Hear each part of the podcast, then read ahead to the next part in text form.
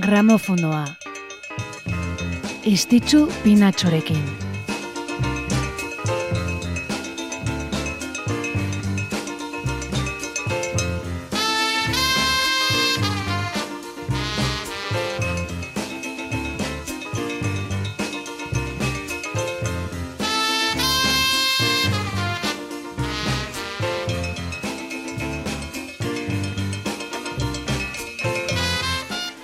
Azaroan sartu gara, atzo beste eguna izan zen eta zuetako batzuk akaso zubia ere eukiko zenuten, oportiki batzuk disfrutatzeko aukera ere bai, auskalo. Beraz, gaur astea asteazkenarekin hasi dugu eta horrek beti ematen duolako poix bat, postazun txiki bat, beti ere astean motzagoa izanen dugulako eta konturatu orduko asteburua bertan izanen dugulako. Atzo, hildakoak gogoratzeko eguna, gaur aldiz, azaroaren bigarrenak utzitako urtemugak zuekin partekatzekoa. Gabon, Gabon, nahi zirrateko entzuleak, Gabon eta ongi etorri gramofonoan gaude, larraitzotazo teknikaria eta biok gaurko saioari hasiera emateko pres. Bazen.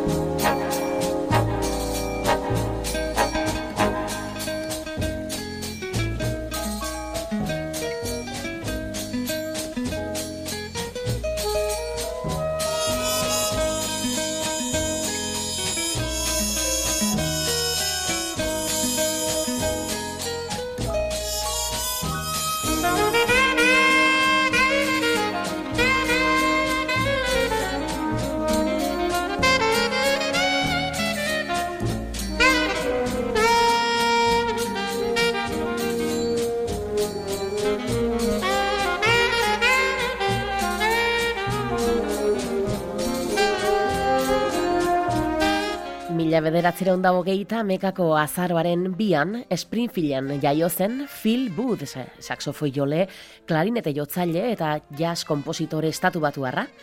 Mendi erdi bino gehiagoko ibilbidean saxofoi jotzaile bikainaren ospea lortzeaz gain, jazzeko musikaririk emankorrenetako eta langilenetako bat izan zen Phil Booth. Biboparen korronte estilistikoan kokatzen dute adituek, eta jazz generoko artista garrantzitsuenekin jo eta garabatuzun. Bino bere banda propio ere zuzen duzun, irurogeita margarren amarkadatik aintzinera, Phil Booth's Quartet, izenekoa. Chan Parkerrekin, Charlie Parkerren alargunarekin ezkonduta egontzen, amazazpi urtez, Bino 2000 eta amabortzeko irailaren hogeita bedetzian Phil Booths maixu haundia hil egintzen biriketako enfisemaren aurkako borroka luze baten ondotik. Bye.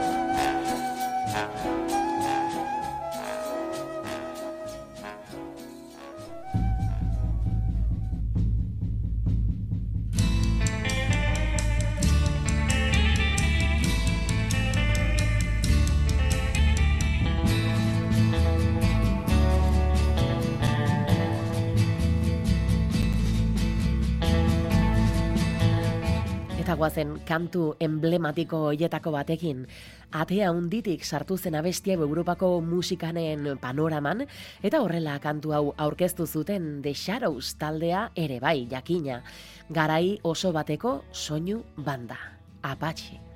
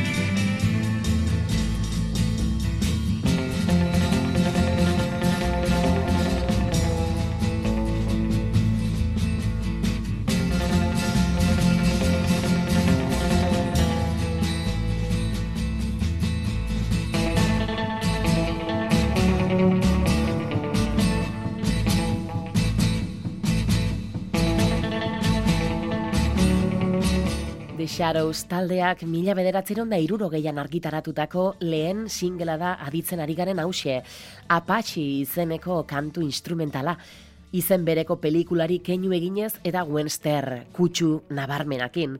Zerreta de Shadows taldeko kide izan zen Bruce Welch zoriontzeko, Gaur, larogeita bat urte bete ditu Bruce Welch, abeslari, kompositore, gitarrista eta ekoizele Britaniarrak. Ingalaterran jaioa bera bai eta erran bezala batez ere de Shadows taldeko kide izateagatik ezagun egintzena. Bino horretaz gain, Marvin Welch Farrar irukotean, Welch abizena ere berea da, taldekidetako bat izan zela bera, alegia. Eta bi talde hoiez gain, irurogeita margarren amarkadan, Cliff Richard eta Olivia Newton-Jonen albumak ere ekoitzi zituen Brusek. Bakarkako ibilbidean saiakera egintzun, eh, arrakasta haundirik lortu gabe giarran, bineo Bruce Welch's Shadow taldearekin duela gutxi arte, aktibo segitzen zun. Ba horixe, gaur Bruce Welchek larogeita bat urte. Eta hiru urte berandugo, mila bederatzen da berrogeita lauko azaroaren bian ingalaterran baitare, Keith Emerson jaio zen. He had white horses and ladies by the score All dressed in satin and waiting by the door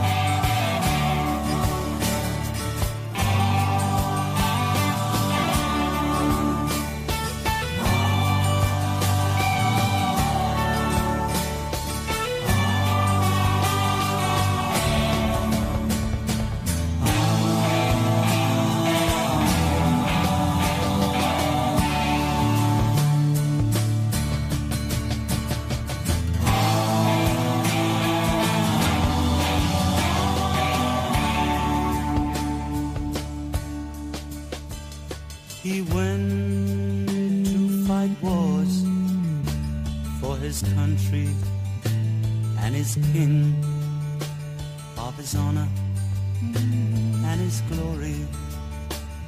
The people would sing.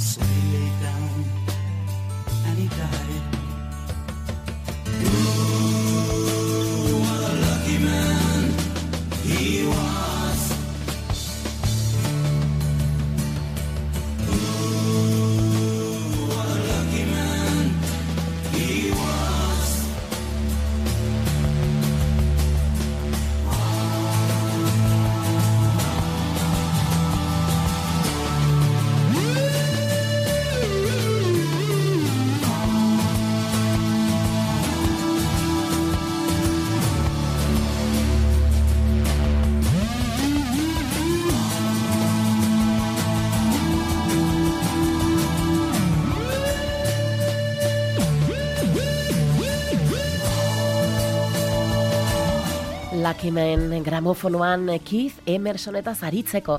Keith Emerson komposatzaile eta teklatu jotzaileaz. Jack McDuff, jazz organistaren eh, rock kendia bestia dituzunean, erabaki omentzun eh, jamona izan entzela bere instrumentua, jamon jotzaile bihurtu naizula alegia. Eta horrela Nice taldean, Emerson Lake and Palmer eta Emerson Lake and Powell taldeetan aritu zen. Rock progresiboaren garaiko teklatu jotzaile onenetakotzat jotzen da eta aditu haunitzen arabera rockaren historiako teklatu gile haundiena eta teknikoki onena da. 2006an bere buruaz bertze egintzun alkolaren kontsumoak eragindako depresio batean murgilduta egon ondotik. Emerson Lake Palmer taldearen Lucky Man kantuarekin gogoratu nahi izan dugu Keith Emerson ere gaurko egunekoa zelako. Gramofonoa Istitzu pinatxorekin. Eta guazen bertze urte betetze batekin, Pulling Back the Reins, bera da K.D. Lang.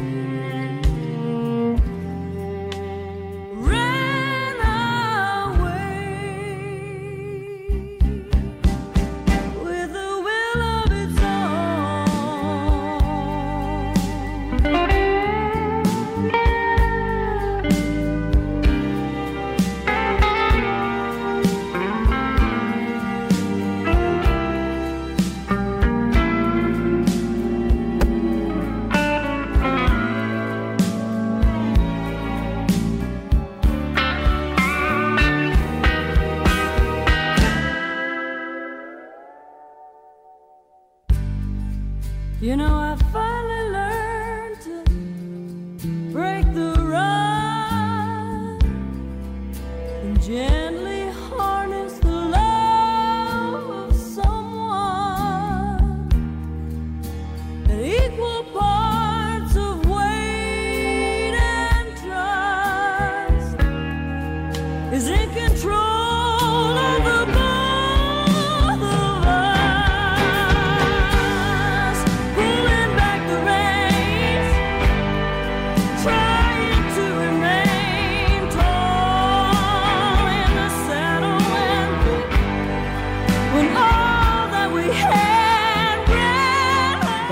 irurogeita bat urte bete ditu Kanadako pop eta country abeslaria den Katie Lang artistak.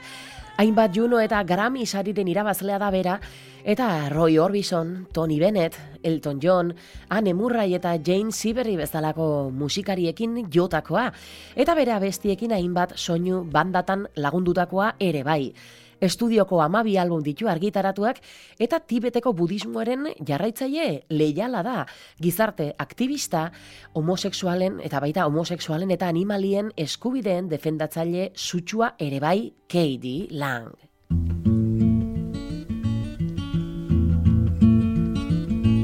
Eta gaurko egunean Mississippi John Hart blues abeslariari buruz ere solastuko gara.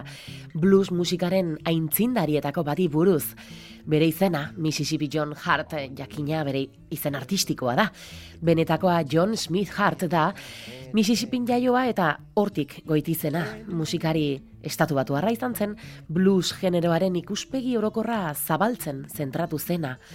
Aurtzaroan abeletxe batean lan egintzun eta blueseko izen haundienen garabazioak aditzen ematen omen zitun orduak. Eta horrela edo orduan eh, musikari profesionala izan aitzula erabakizun, hainbat lehiaketetarako debutatuzun eta OK Records diskoetxarekin grabatu zitun lehen bi kantuak.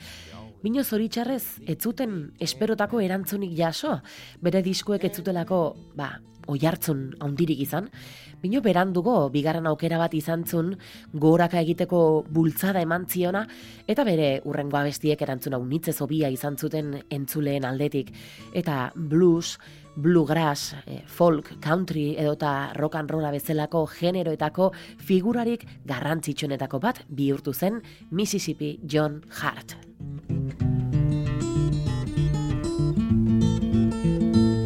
Oh, yes, the candy don't melt away. Just gets better, so the ladies say, Candy man, Candy man.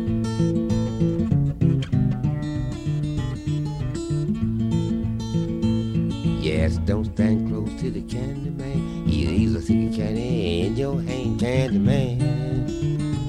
Sweet candy man. Yes, you in the candy man, you're getting mighty sick. Mm-hmm.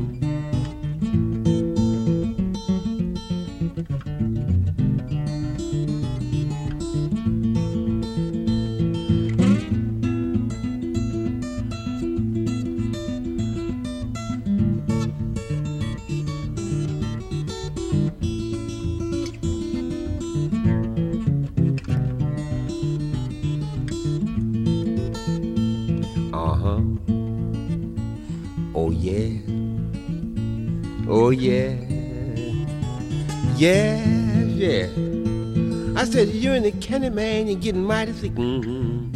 Mm-hmm. You must be stuck on the candy man stick, oh yeah. Oh yeah. Mississippi John Hart oroitzeko Candy Man izeneko kantu goxo hau bere eriotzaren berrogeita maseigarren urte hurrenean.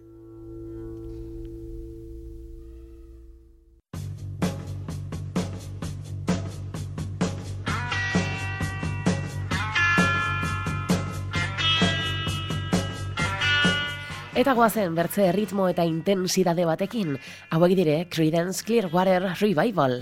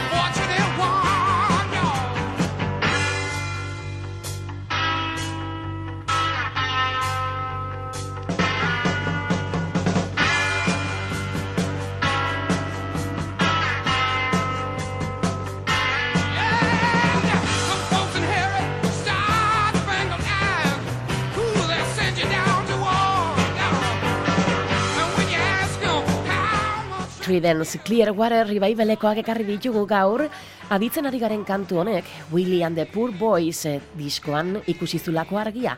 Eta gaur taldearen laugarren diskoa izan zen honek ere urteak betetzen ditulako. 2002an Rolling Stone musika aldizkariak egindako garai guztitako bortzeun disko onenen zerrendako, irureun dalaro bigarren postuan kokatu zen. Eta albumaren garrantzia ikusirik 2008an William the Poor Boys disko hause berriz eh, bai, masterizatu eta berrargitaratu zuten taldearen eraketaren berrogei garren urte hurren azelata. Eta gaur, urteak betetzen dituen bertze disko hoietako bat, hause.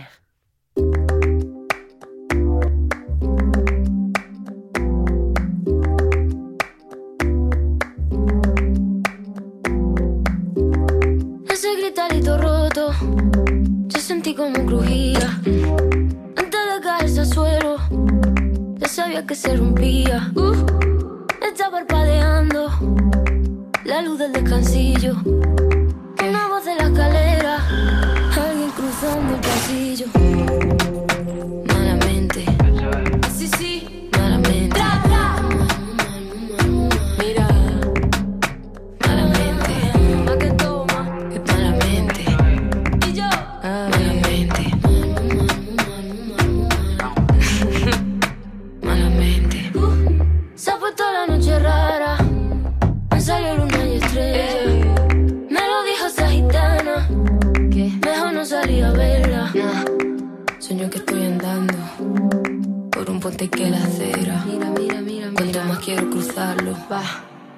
Se mueve y tambalea. Malamente.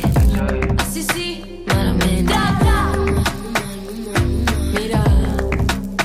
Malamente. ¿A que toma? Malamente. Y yo. Malamente. Malamente. Aunque no te bonita. El mal querer, momentuko artista den Rosalia, kantautorearen estudioko bigarren albuma da. 2000 eta emezortziko azaroaren bian argitaratua. Berak eta elgintxok egoitzi zuten eta eduki zuen arrakasta izugarria izan zela erran beharrik ez dago. Estreinaldiaren egunean aitun zen eh, Espainiako albumen zerrendan lehen postuan jarri zen, eta Kanada, Estatu Batuak, Frantzia, Italia eta Erresuma Batuko zerrendetan sartzea ere lortuzun. Album experimental eta kontzeptual gisa aurkeztu zuten, harreman toksiko baten bueltan hitz egiten duna, eta flamenka izeneko amairugarren mendeko oksitanierazko eleberri anonimo batean inspiratuz. Album argitaratu aintzinetik hiru single kaleratu zitun, Malamente, Pienso en tu mira eta Di mi nombre. Ondotik Bagdad eta De Aquino Sales abestiaren abestien videoklipak kaleratu ziren eta berehala viral egin ziren bertzeak bertze hoien estetika eta ba, simbolismo poetikoa zela eta Ba, hoxe, Rosaliaren El Mal Querer, Rolling Stone aldizkariaren arabera gainera, garai guzietako bortzeun albumen onenen artean dago. Gaur berrogei urte, ui berrogei ez barkatu, gaur lau urtetxo.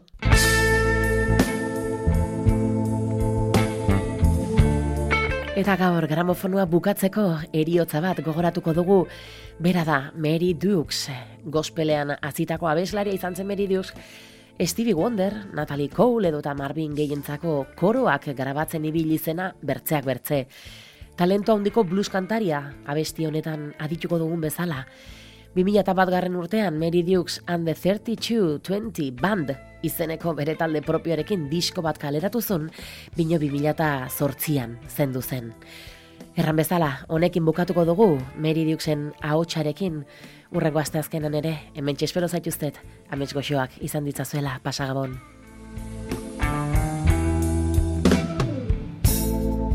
I've had too much to drink